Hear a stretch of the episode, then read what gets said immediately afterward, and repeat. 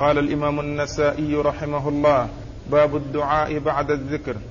وقال أخبرنا قتيبة قال حدثنا خلف بن خليفة عن حفص بن أخي أنس عن أنس عن أنس بن مالك رضي الله عنه أنه قال كنت مع رسول الله صلى الله عليه وسلم جالسا يعني ورجل قائم يصلي فلما ركع وسجد وتشهد دعا فقال في دعائه اللهم إني أسألك بأن لك الحمد. لا إله إلا أنت المنان بديع السماوات والأرض. يا ذا الجلال والإكرام. يا حي يا قيوم إني أسألك. فقال النبي صلى الله عليه وسلم لأصحابه تدرون بما دعا؟ قالوا الله ورسوله أعلم. قال والذي نفسي بيده لقد دعا الله باسمه العظيم الذي إذا دعي به أجاب وإذا سئل به أعطى. بسم الله الرحمن الرحيم. الحمد لله رب العالمين وصلى الله وسلم وبارك على عبده ورسوله نبينا محمد وعلى آله وأصحابه أجمعين. أما بعد يقول النسائي رحمه الله باب الذكر باب الدعاء بعد الذكر. آه مراد النسائي بهذه الترجمة هو أن الإنسان عندما يدعو يقدم بين يدي دعائه بذكر الله عز وجل والثناء عليه وتعظيمه وتمجيده والتوسل إليه بأسمائه وصفاته فإن ذلك من أسباب قبول الدعاء. وقد سبق أن مر بنا بعض الأحاديث الدالة على أن الإنسان عندما يدعو قبل دعائه يحمد الله ويمجده ويثني عليه ويصلي على رسوله محمد صلى الله عليه وسلم ثم يدعو. وهنا فيه بين يدي الدعاء توسل بأسماء الله عز وجل وصفاته. وقد أورد النسائي في هذه الترجمة حديث أنس بن مالك رضي الله تعالى عنه أنه كان جالسا مع النبي عليه الصلاة والسلام ورجل يصلي فلما ركع وسجد وتشهد قال اللهم إني أسألك بأن لك الحمد لا إله إلا أنت المنان بديع السماوات والأرض يا ذا الجلال والإكرام يا حي يا قيوم إني أسألك كذا وكذا. أي أنه قدم بين يدي مسألته بالثناء على الله عز الثناء على الله عز وجل وتعظيمه وتمجيده. وهذا من أسباب قبول الدعاء. ولهذا النبي الكريم عليه الصلاة والسلام قال لأصحابه تدرون بما, بما دعا؟ قالوا الله ورسوله أعلم. قال دعا الله باسمه العظيم. الذي إذا سئل به أعطى واذا إذا دعي به أجاب وإذا سئل أعطى. والمقصود من ايراد الحديث هنا أن قوله إني أسألك كذا وكذا ولم يذكر سؤاله وإنما ذكر الثناء الذي بين يدي سؤاله والتوسل إلى الله عز وجل بصفاته وأسمائه هذا من أسباب قبول الدعاء. وهذا هو التوسل المشروع. التوسل المشروع كون الإنسان يتوسل إلى الله بأسمائه وصفاته ويثني عليه ويعظمه بين يدي سؤاله. فيكون ذلك فيكون ذلك توسلا مشروعا هو خير ما يتوسل به العبد إلى الله عز وجل. كونه يعظم الله ويثني عليه ويمجده ثم بعد ذلك يسأل حاجته فيكون متوسلا إليه بأسمائه وصفاته والثناء عليه سبحانه وتعالى. اللهم إني أسألك بأن لك الحمد. لا إله إلا أنت. ففي اعتراف بأن الحمد له. وهو صاحب الحمد وهو الذي يحمد على كل حال هو صاحب النعم كلها المتفضل بها وهو المحمود على النعم كلها ظاهرها وباطنها فهو الذي يحمد على كل حال وفي جميع الأحوال سبحانه وتعالى. ثم لا إله إلا أنت اعتراف بألوهيته وأنه الإله الحق الذي لا تصلح العبادة إلا له ولا تصرف لا يصرف شيء منها لغيره بل كلها له سبحانه وتعالى لأنه المتفرد بالخلق والإيجاد وهو المتفضل بالنعم وهو المتفضل ب آه، آه، آه، وهو الذي الذي وهو المحيي والمميت المتصرف في الكون كيف يشاء فهو الذي يجب أن يفرد بالعبادة وحده لا شريك له لا يشرك مع الله أحد في عبادته لأنه لا شريك له في ملكه فله الملك وله الحمد وله العبادة التي هي حقه ولا يجوز صرف شيء منها لغيره سبحانه وتعالى. المنان يعني صاحب المنن والنعم الذي امتن على عباده بكل خير وبكل نعمة وأعظم النعم نعمة الإسلام نعمة الهداية للإسلام نعمة الخروج من الظلمات إلى النور. يقول الله عز وجل لقد من الله على المؤمنين إذ بعث فيهم رسولا من أنفسهم يتلو عليهم آياته ويزكيهم ويعلمهم الكتاب والحكمة وإن كانوا من قبل لفي ضلال مبين. فهذه أعظم منة وأجل نعمة وهي نعمة الإسلام نعمة الهداية للصراط المستقيم. نعمة الخروج من الظلمات إلى النور. هي أجل النعم وهي أفضلها وهي أعلاها. لا يماثلها نعمة ولا يساويها نعمة. بديع السماوات والأرض الذي أوجدهما أوجد السماوات على غير مثال سابق بل هو الذي قدر خلقها على ما شاء وأوجدها كيف شاء على ما شاء فهو المبدع لها. الموجد لها المتصرف فيها المالك لها فهو خالق الخلق ومالك الملك ذو الجلال والإكرام سبحانه وتعالى. يا ذا الجلال والإكرام. يصف الله عز وجل بأنه ذا الجلال والإكرام. صاحب العظمة. صاحب الكرم. العظيم. الكريم. الذي لا تصلح العظمة إلا له. والكريم الذي هو صاحب كل نعمة وصاحب كل منة وما بكم من نعمة فمن الله وإن تعدوا نعمة الله لا تحصوها. ألم تروا ألم تروا, ألم تروا أن الله سخر لكم ما في السماوات وما في الأرض وأسبغ عليكم نعمه ظاهرة وباطنة. فنعم الله عز وجل لا تعد ولا تحصى. فهو سبحانه وتعالى ذو الجلال والإكرام. ثم قال يا حي يا قيوم. وهذان من أسماء الله عز وجل. وقد بدأت بهما آية الكرسي. الله لا إله إلا هو الحي القيوم. بعد ذكر اسم الله الذي هو العلم لفظ الجلالة الله جاء الحي القيوم. الحي الذي هو كامل الحياة. القيوم القائم بنفسه والمقيم لغيره. الذي قامت به السماوات والأرض. وكل شيء قام إنما هو بإقامته إياه فهو الحي القيوم الذي هو على كل شيء قدير والذي هو مالك الملك للجلال والإكرام سبحانه وتعالى. ثم قال بعد ذلك أسألك يعني بعد أن توسل إلى الله عز وجل بهذه بهذه الأوصاف وبهذه الأسماء ودعاه وناداه دعا ربه وناداه قائلا يا حي يا قيوم يا ذا الجلال والإكرام يقول إني أسألك كذا وكذا. فهذا هو التوسل. وهذا التوسل المشروع الذين ابتلوا بالتوسلات المبتدعة التي ما جاءت بها شريعة الله وليس وليست من هدي رسول الله عليه الصلاة والسلام. لا يعرفون التوسل التوسل المشروع.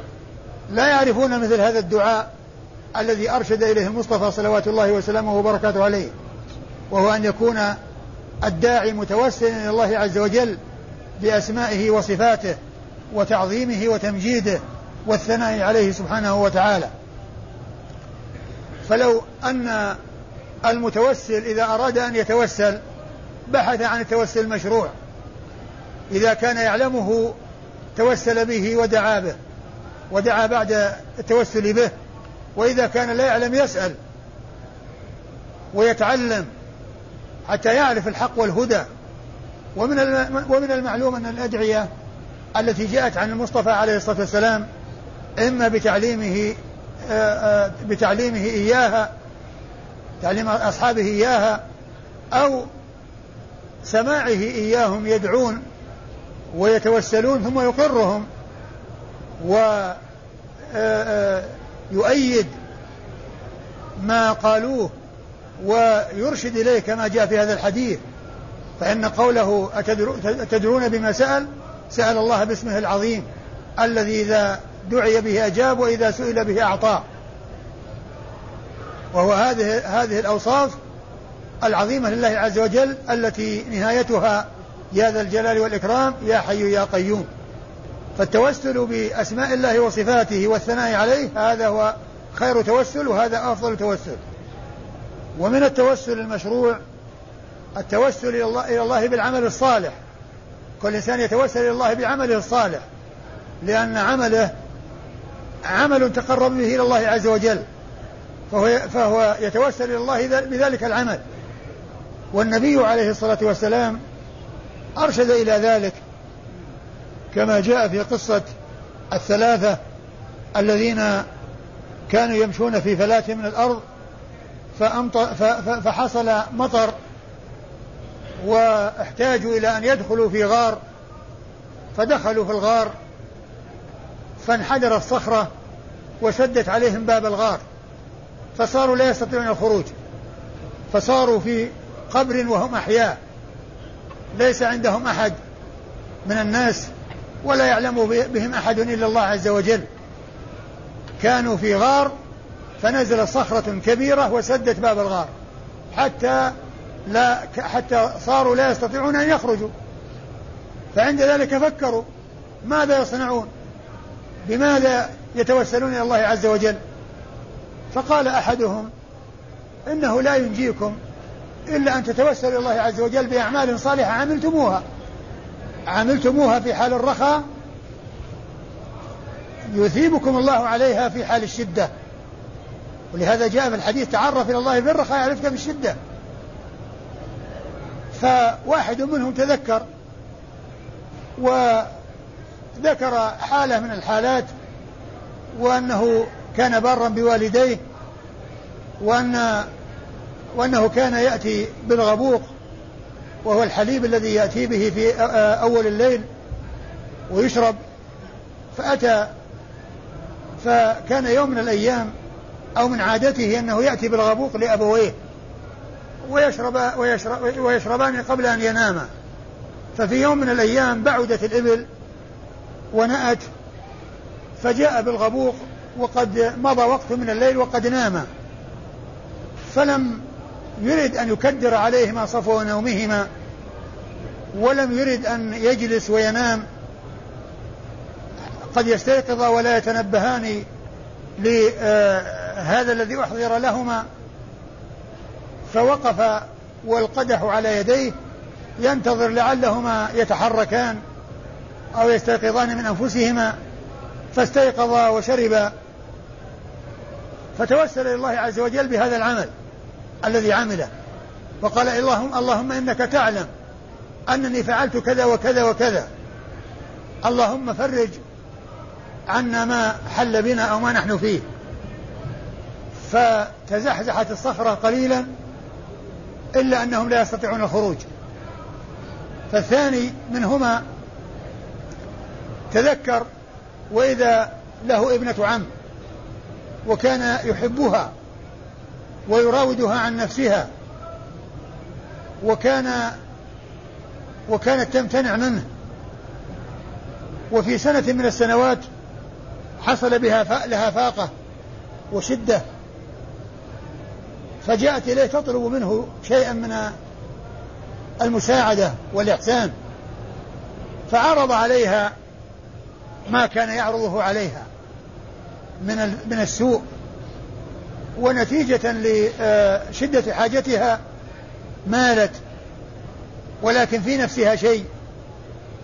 ولما أعطاها ما أعطاها من النقود وهي مئة دينار وجلس بين رجليها خوفته بالله عز وجل وقالت يا عبد الله اتق الله ولا تفض الخاتم إلا بحقه فقام وتركها. خوفا من الله عز وجل فتوسل إلى الله عز وجل بهذا العمل الصالح فتزحزحت الصخرة قليلا إلا أنهم لا يستطيعون الخروج.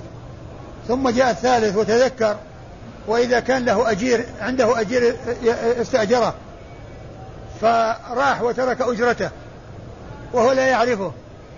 فنمى هذه الأجرة حتى اتسعت وصارت إبلا وبقرا وغنما ورقيقا فجاء بعد مدة طويلة وقال يا فلان عندك لأجرة.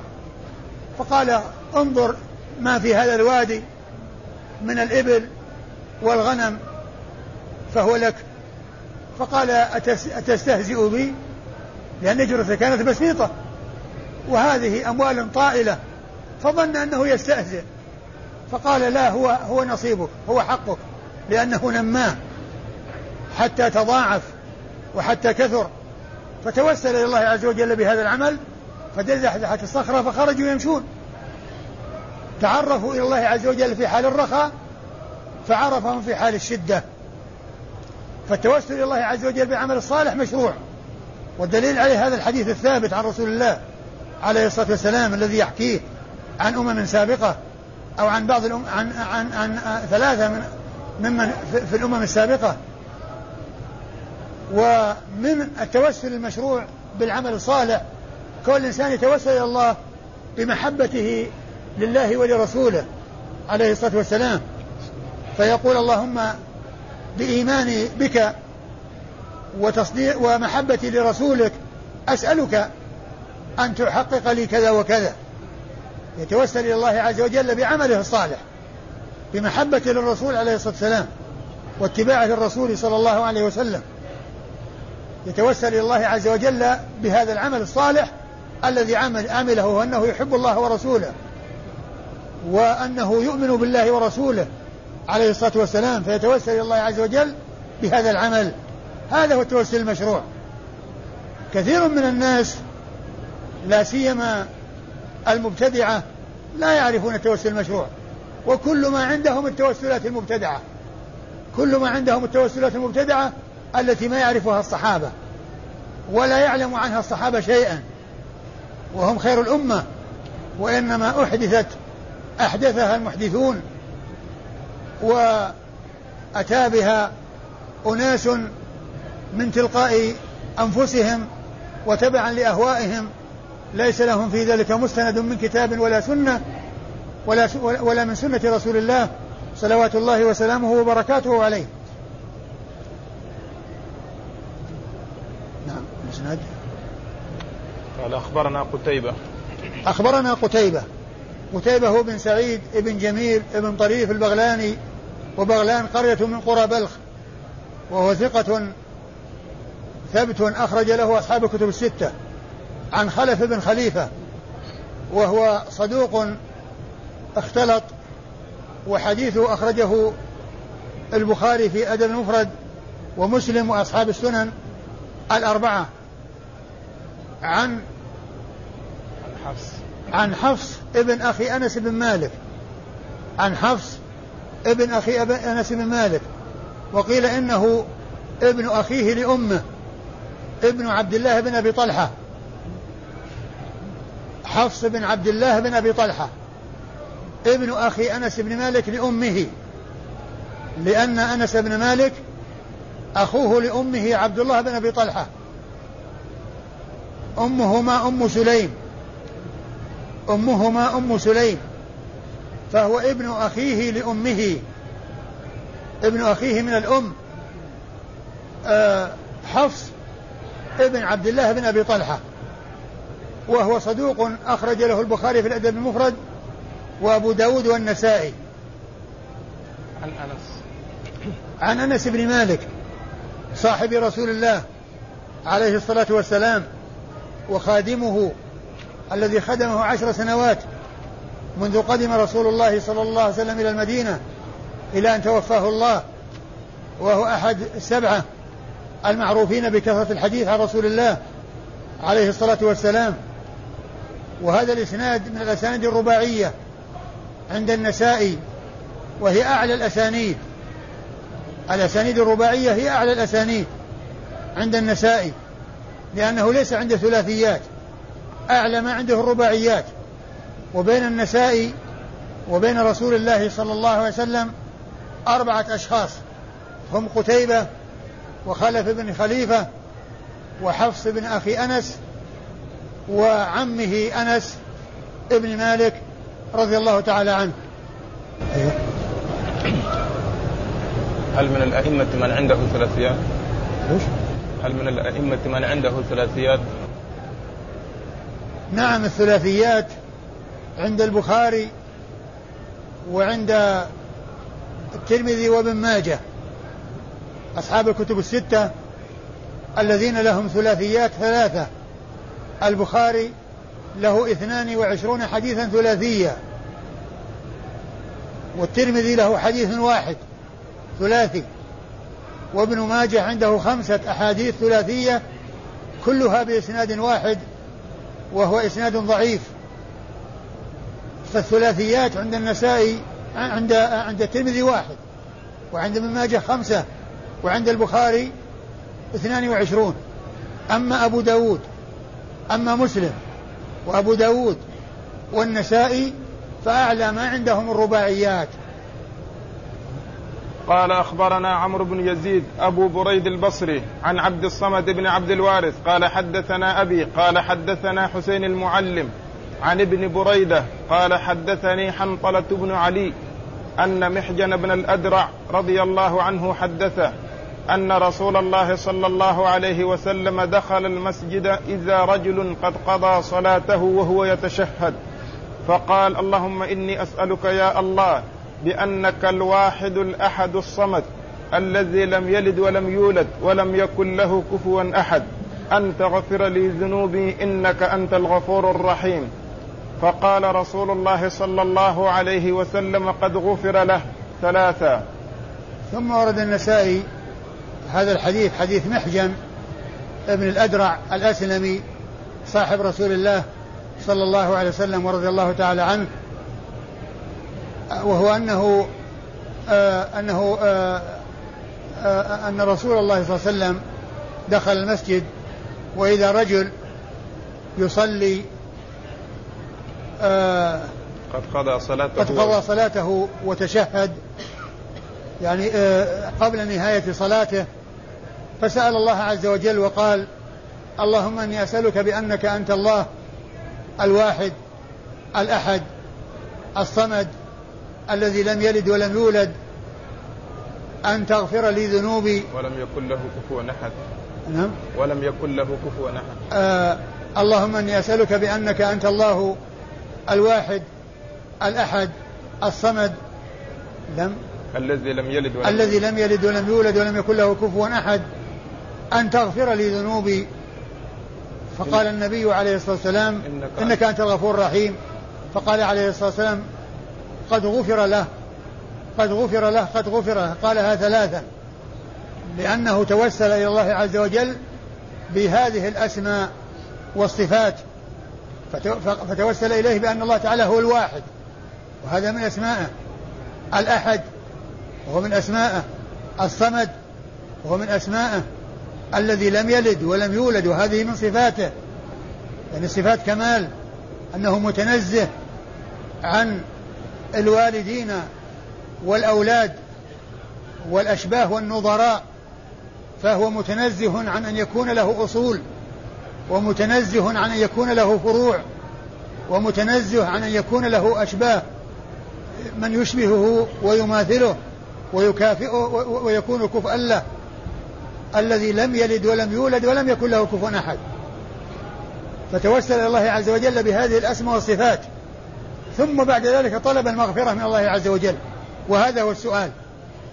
لأن الأول ثناء وذكر وتعظيم والمطلوب جاء في الآخر بعد الثناء والذكر لله عز وجل وهو أنه قال أن تغفر لذنوبي ثم ختم ذلك بالثناء عليه وذكر اسمين من أسمائه والثناء عليه بذلك فقال إنك أنت الغفور الرحيم.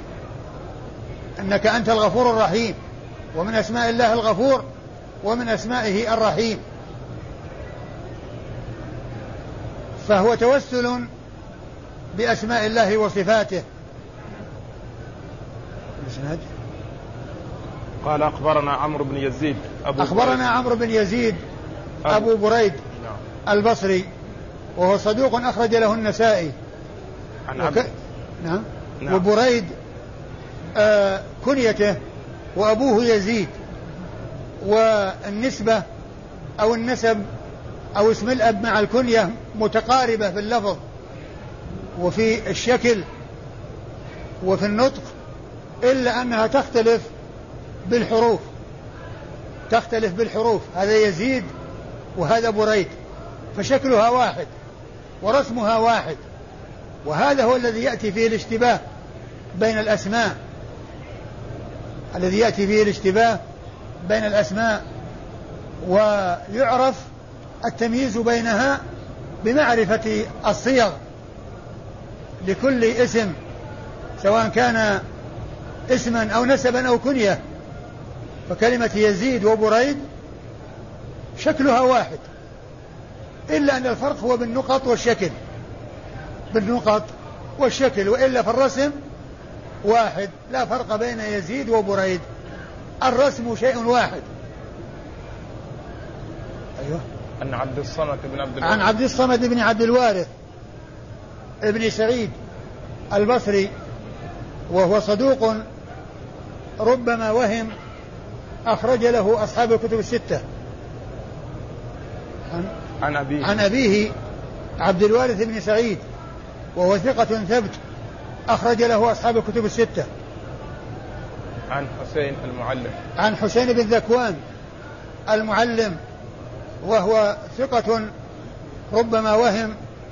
وحديثه؟ عند الجماعة. وحديثه أخرجه أصحاب الكتب الستة. عن ابن بريدة.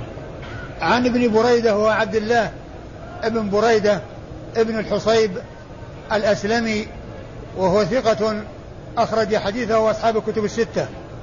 عن حنظلة بن علي الأسلمي وهو ثقة خرج له من؟ البخاري في الأدب ومسلم وأبو داود والنسائي وابن ماجه. خرج له البخاري في الأدب المفرد ومسلم وأبو داود والنسائي وابن ماجه. عن محجن. عن محجن ابن الأدرع الأسلمي رضي الله تعالى عنه وهو صحابي أخرج حديثه البخاري. في الأدب المفرد نعم. ها؟ نعم. ومن؟ وأبو داود والنسائي. البخاري في الأدب المفرد وأبو داود والنسائي مثل آه الذي مر بنا قريبا وهو حفص ابن أخي أنس بن مالك. كل منهما خرج له أبو داود في الأدب المفرد البخاري في الأدب المفرد وأبو داود والنسائي. عبد الصمد صدوق ثبت في أيوه. صدوق؟ أي نعم. ثبت في شعبة. إيش؟ ثبت في شعبة. يعني نعم صدوق, صدوق نعم. آه عبد الصمد صدوق صدوق هو ثبت في شعبة أخرج حديثه أصحاب الكتب الستة. هو صدوق ليس فيه ربما وهم كما قلت آنفا وإنما هو صدوق فقط. لكن بالنسبة لروايته عن شعبة هو ثبت في الرواية عن شعبة. نعم؟ نعم الحديثان ثابتان. قال نوع آخر من الدعاء. وقال أخبرنا قتيبة بن سعيد قال حدثنا الليث عن يزيد بن أبي حبيب عن أبي الخير عن عبد الله بن عمرو رضي الله عنهما عن أبي بكر الصديق رضي الله عنه أنه قال لرسول الله صلى الله عليه وسلم علمني دعاء أدعو به في صلاتي. قال قل اللهم إني ظلمت نفسي ظلما كثيرا ولا يغفر الذنوب إلا أنت فاغفر لي مغفرة من عندك وارحمني إنك أنت الغفور الرحيم. ثم ورد نوعا آخر من الدعاء وهو الدعاء بعد الذكر يعني في آخر الصلاة ومن المعلوم أن المواضع التي يكثر فيها الدعاء موضعان في الصلاة في السجود وبعد وفي التشهد الأخير قبل السلام. وفي التشهد الأخير قبل السلام فهذا فهذان موضعان يدعى فيهما ويكثر فيهما من الدعاء. والنسائي هنا يورد الأحاديث التي يدعى بها في هذا الموطن وفي هذا الموضع الذي هو بعد التشهد والصلاة على النبي عليه الصلاة والسلام وقبل السلام. والأحاديث التي فيها الدعاء آه يعني آه في الصلاة يمكن أن يدعى بها في السجود ويمكن أن يدعى بها قبل السلام. وقد جاء عن النبي عليه الصلاة والسلام أنه قال أما الركوع فعظموا فيها الرب وأما السجود فأكثروا فيه من الدعاء. فقامن أن يستجاب لكم. وقد مر بنا الحديث الذي قال فيه بعد التشهد ثم ليتخير من الدعاء أعجبه إليه فيدعو به. إذا هنا موضعان يدعى فيهما ويكثر فيه من فيهما من الدعاء وهما السجود وفي التشهد الأخير قبل السلام وبعد التشهد والصلاة على النبي صلوات الله وسلامه وبركاته عليه. أبو بكر الصديق رضي الله عنه وأرضاه سأل النبي عليه الصلاة والسلام أن يعلمه دعاء يدعو به في صلاته. وهذا يدلنا على ما كان عليه أصحاب الرسول الكريم صلوات الله وسلامه وبركاته عليه ورضي الله عنهم وأرضاهم من آه الحرص على أسئلة الرسول الأسئلة إلى إلى السؤال أو توجيه الأسئلة إلى رسول الله عليه الصلاة والسلام في الأمور المختلفة التي يحتاجون إلى معرفتها. ومن ذلك ما يريدونه من الأدعية التي يدعون الله عز وجل بها في صلاتهم. فكان أبو بكر رضي الله عنه سأل النبي الكريم عليه الصلاة والسلام أن يعلمه دعاء يدعو به في صلاته. وهذا يدلنا على فضل أصحاب الرسول عليه الصلاة والسلام وحرصهم على معرفة الخير وعلى معرفة الحق وعلى تعلم العلم النافع وسؤال النبي عليه الصلاة والسلام عما يريدون السؤال عنه. فهذا دال على فضلهم ونبلهم وحرصهم على معرفة الحق والهدى و توجيههم الأسئلة إلى الرسول عليه الصلاة والسلام ليجيبهم عما يحتاجون الجواب إليه الجواب عليه من تلك الأسئلة رضي الله تعالى عنهم وأرضاهم. فهذا الصديق خير هذه الأمة التي هي خير الأمم خليفة رسول الله صلوات الله وسلامه وبركاته عليه ورضي الله تعالى عن أبي بكر يسأل النبي عليه الصلاة والسلام سؤالا يدعو به في صلاته فعلمه النبي الكريم عليه الصلاة والسلام يقول اللهم إني ظلمت نفسي ظلما كثيرا ولا يغفر الذنوب إلا أنت. فاغفر لي مغفرة من عندك وارحمني. إنك أنت الغفور الرحيم. إنك أنت الغفور الرحيم.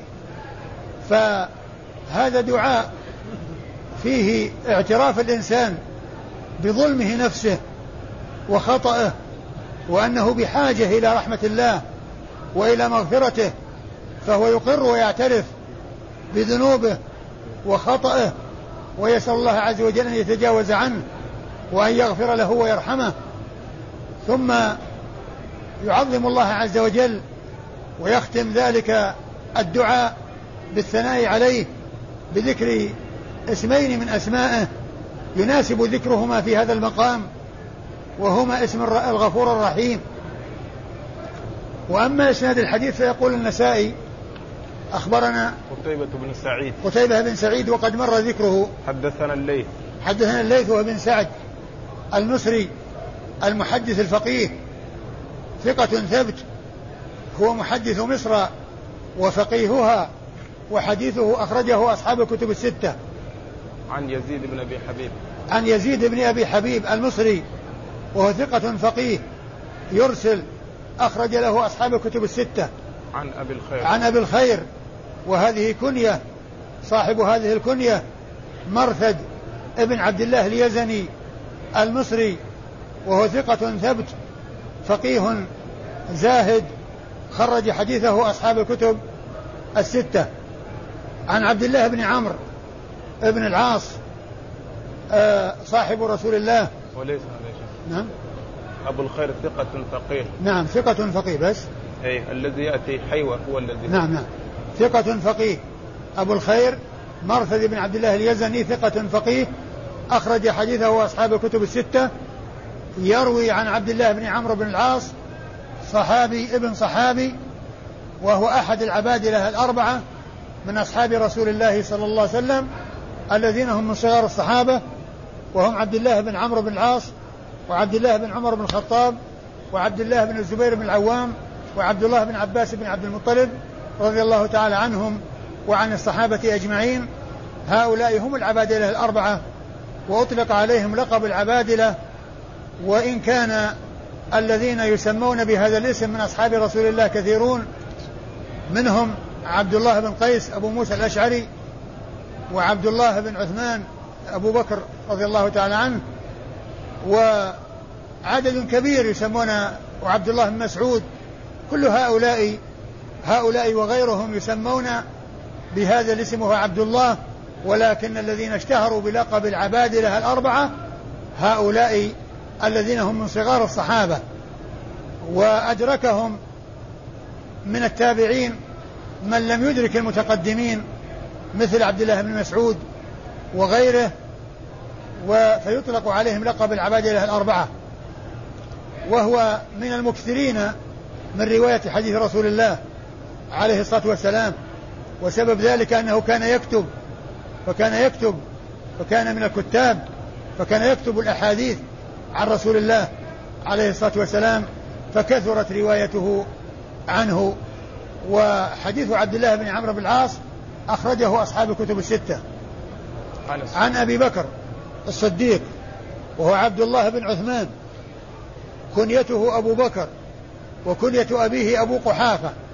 فهو أبو بكر بن أبي قحافة أبو بكر الصديق اسمه عبد الله واسم أبيه عثمان ولكنه مشهور بكنيته وبلقبه الصديق رضي الله تعالى عنه وأرضاه. وهو خير هذه الأمة التي هي خير الأمم وهو أفضل الصحابة الذين هم خير هذه الأمة. وقد جاء في فضله أحاديث كثيرة وقد سماه الله عز وجل في كتابه العزيز صاحب رسول الله عليه الصلاة والسلام وذلك في سورة التوبة حيث يقول الله عز وجل إلا تنصروه فقد نصره الله إذ أخرجه الذين كفروا ثاني اثنين إذ هما في الغار إذ يقول لصاحبه لا تحزن إن الله معنا. فثاني اثنين هو أبو بكر الصديق رضي الله عنه. و آه، أبو بكر الصديق هو, هو, هو ثاني اثنين. الرسول ومعه أبو, ومعه أبو بكر. وذلك في الغار عند إرادتهما الذهاب للهجرة من مكة إلى المدينة فكان معه في الغار. وقال الله عز وجل في حقه آآ آآ إذ يقول إذ يقول أي النبي عليه الصلاة والسلام لصاحبه أبي بكر فسماه الله صاحب رسول الله. سماه الله في كتاب الله صاحب رسول الله صلوات الله وسلامه وبركاته عليه. ومناقبه كثيرة وفضائله وفيرة. ومن أعظم هذه الفضائل بل هو أعظم بل هي أعظمها قول النبي الكريم عليه الصلاة والسلام لو كنت متخذا من أمتي خليلا لاتخذت أبا بكر خليلا. فإنه أخبر عن أمر لا يكون. أن لو كان كيف يكون؟ وهو أنه لا أنه لا يتخذ خليلا. ولكن لو حصل اتخاذ خليل لكان أحق الناس بذلك. الصديق رضي الله تعالى عنه وأرضاه. فهذه منقبة عظيمة لا يماثله فيها أحد. ولا يدانيه فيها أحد وهي دالة على أفضليته. وقد كان أصحاب رسول الله عليه الصلاة والسلام يفضلون ويخيرون فيقولون أبو بكر ثم عمر ثم عثمان فيبلغ ذلك النبي عليه الصلاة والسلام ولا ينكره. فدل على أن أفضل هذه الأمة بعد نبيها أبو بكر ثم من بعده عمر ثم من بعده عثمان ومن بعد هؤلاء الثلاثة علي بن أبي طالب رضي الله تعالى عنهم أجمعين. وحديث أبي بكر رضي الله تعالى عنه أخرجه أصحاب الكتب الستة. قال نوع آخر من الدعاء. وقال أخبرنا يونس بن عبد الأعلى قال حدثنا ابن وهب قال سمعت حيوة يحدث عن عقبة بن مسلم عن أبي عبد الرحمن الحبلي عن الصنابحي عن معاذ بن جبل رضي الله عنه أنه قال أخذ بيدي رسول الله صلى الله عليه وسلم فقال إني لأحبك يا معاذ. فقلت وأنا أحبك يا رسول الله. فقال رسول الله صلى الله عليه وسلم فلا تدع أن تقول في كل صلاة رب أعني على ذكرك وشكرك وحسن عبادتك. شهد وكذلك أيضا يدعى به في السجود لأن كما ذكرت المواطن التي يدعى فيها ويكثر من الدعاء فيها ويتخير الأدعية فيها السجود والتشهد في التشهد الأخير قبل السلام وبعد الإتيان بالتشهد والصلاة على النبي صلى الله عليه وسلم. يقول معاذ بن جبل رضي الله عنه أخذ رسول الله صلى الله عليه وسلم بيدي فقال إني لأحبك. يخاطب معاذ رضي الله عنه. وهذه منقبة عظيمة لمعاذ. كون النبي عليه الصلاة والسلام يخاطبه ويقول إني لأحبك قال وأنا أحبك يا رسول الله. قال عليه الصلاة والسلام فلا تدع أن تقول في كل صلاة اللهم أعني على ذكرك وشكرك وحسن عبادتك. اللهم أعني على ذكرك وشكرك وحسن عبادتك. فهذا دعاء عظيم. يسأل الإنسان ربه أن يعينه على ذكره. لأن ذكر الله عز وجل به تطمئن القلوب. وشكرك شكر شكر الله على النعم والشكر يكون بالقلب ويكون باللسان ويكون بالجوارح. الشكر يكون بهذه هذه آه، آه، بهذه الأشياء. يكون بالقلب يكون باللسان يكون بالجوارح.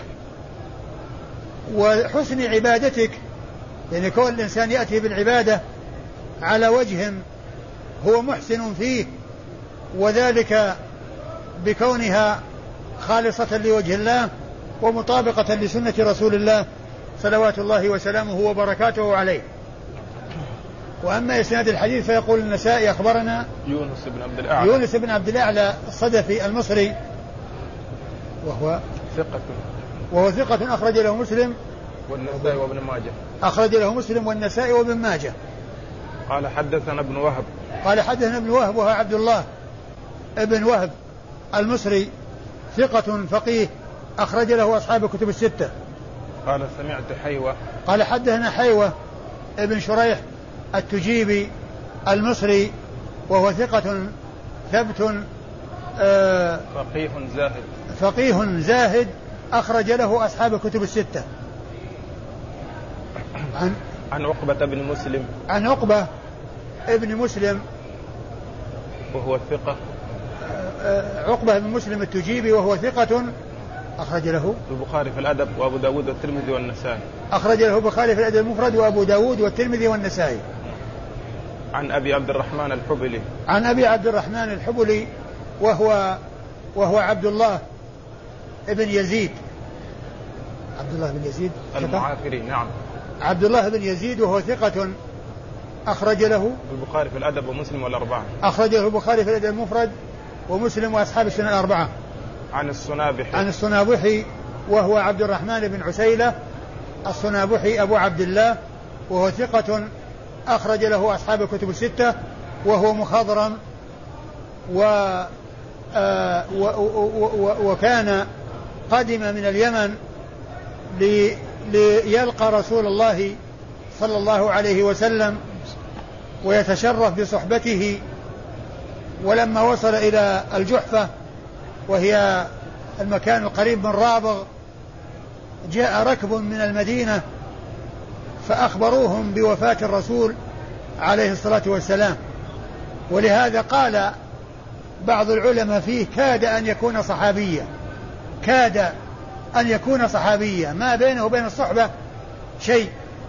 لأنه قدم ليصحب الرسول صلى الله عليه وسلم ولما كان في الطريق إلى المدينة وهو في الجحفة عند رابغ قدم ركب من المدينة فأخبروا ذلك الوفد وذلك الركب الذين فيهم عبد الرحمن بن عسيلة الصنابحي بأن النبي عليه الصلاة والسلام توفي فقدم بعد وفاة الرسول صلى الله عليه وسلم بخمسة أيام. قدم المدينة بعد وفاة الرسول صلوات الله وسلامه وبركاته عليه بخمسة أيام وهو ثقة خرج حديثه أصحاب الكتب الستة. أما معاذ بن جبل فهو صاحب رسول الله عليه الصلاة والسلام والمشهور بصحابته وهو معروف بالعلم والفقه من علماء الصحابة وفقهائهم رضي الله تعالى عنه وأرضاه وحديثه أخرجه أصحاب الكتب الستة. قال نوع آخر من الدعاء. وقال أخبرنا أبو داود قال حدثنا سليمان بن حرب قال حدثنا حماد بن سلمة عن سعيد الجريري عن أبي العلاء عن شداد بن أوس عن شداد بن أوس رضي الله عنه أنه قال إن رسول الله صلى الله عليه وسلم كان يقول في صلاته اللهم إني أسألك الثبات في الأمر والعزيمة على الرشد وأسألك شكر نعمتك وحسن عبادتك وأسألك قلبا سليما ولسانا صادقا وأسألك من خير ما تعلم وأعوذ بك من شر ما تعلم وأستغفرك لما تعلم. إيش اوله؟ ومن يسألك؟ كان رسول الله صلى الله عليه وسلم يقول في صلاته: اللهم إني أسألك الثبات في الأمر والعزيمة على الرشد. ثم ذكر النسائي نوعا آخر من الأدعية التي يدعى بها في آخر الصلاة وهو ما أورده عن شداد بن أوس رضي الله تعالى عنه. أورده عن شداد بن أوس بن ثابت آه، صاحب رسول الله عليه الصلاة والسلام أن أنه آه، أنه سمع النبي صلى الله عليه وسلم يدعو في صلاته يقول اللهم إني أسألك الثبات في الأمر والعزيمة على الرشد وأسألك شكر نعمتك وحسن عبادتك وأسألك قلبا سليما ولسانا ذاكرا ولسانا صادقا. ولسانا صادقا. و وأسألك من خير ما تعلم. وأسألك من خير ما تعلم. وأعوذ بك من شر ما تعلم. وأعوذ بك من شر ما تعلم. وأستغفرك لما تعلم. وأستغفرك لما تعلم. آه هذا هذا دعاء آه يروي شداد بن أوس عن رسول الله عليه الصلاة والسلام ويرويه عن رسول الله. ويذكر أنه سمعه وهو يدعو به في صلاته صلوات الله وسلامه وبركاته عليه. وال وال والحديث وإسناد الحديث قل النسائي أخبرنا أبو داود. أخبرنا أبو داود وهو سليمان بن سيف الحراني وهو ثقة حافظ. ثقة حافظ أخرج له النسائي وحده.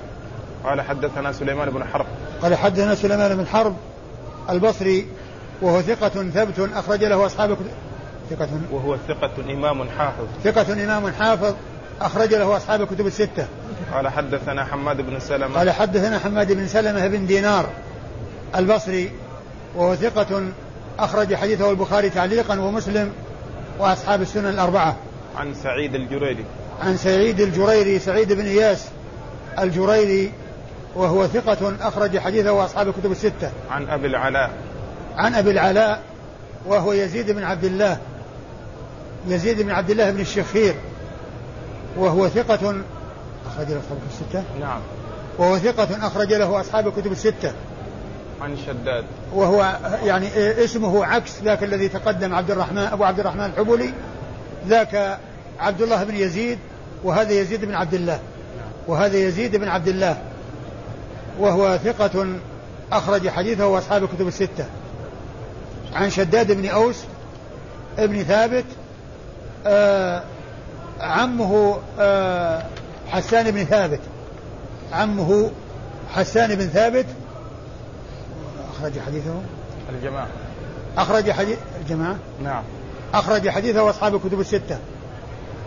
وهذا الإسناد ذكر الشيخ الألباني أن فيه انقطاع بين أبي العلاء وبين شداد بن أوس وذلك أنه جاء في عند الإمام أحمد آه ذكر شخص بينهما وهو الحنظلي يعني بنسبته دون أن يذكر اسمه وذكر الشيخ الألباني أنه لم يقف على معرفته ففيه الإسناد انقطاع بين آه أبي العلاء يزيد بن عبد الله بن الشخير وبين شداد بن أوس.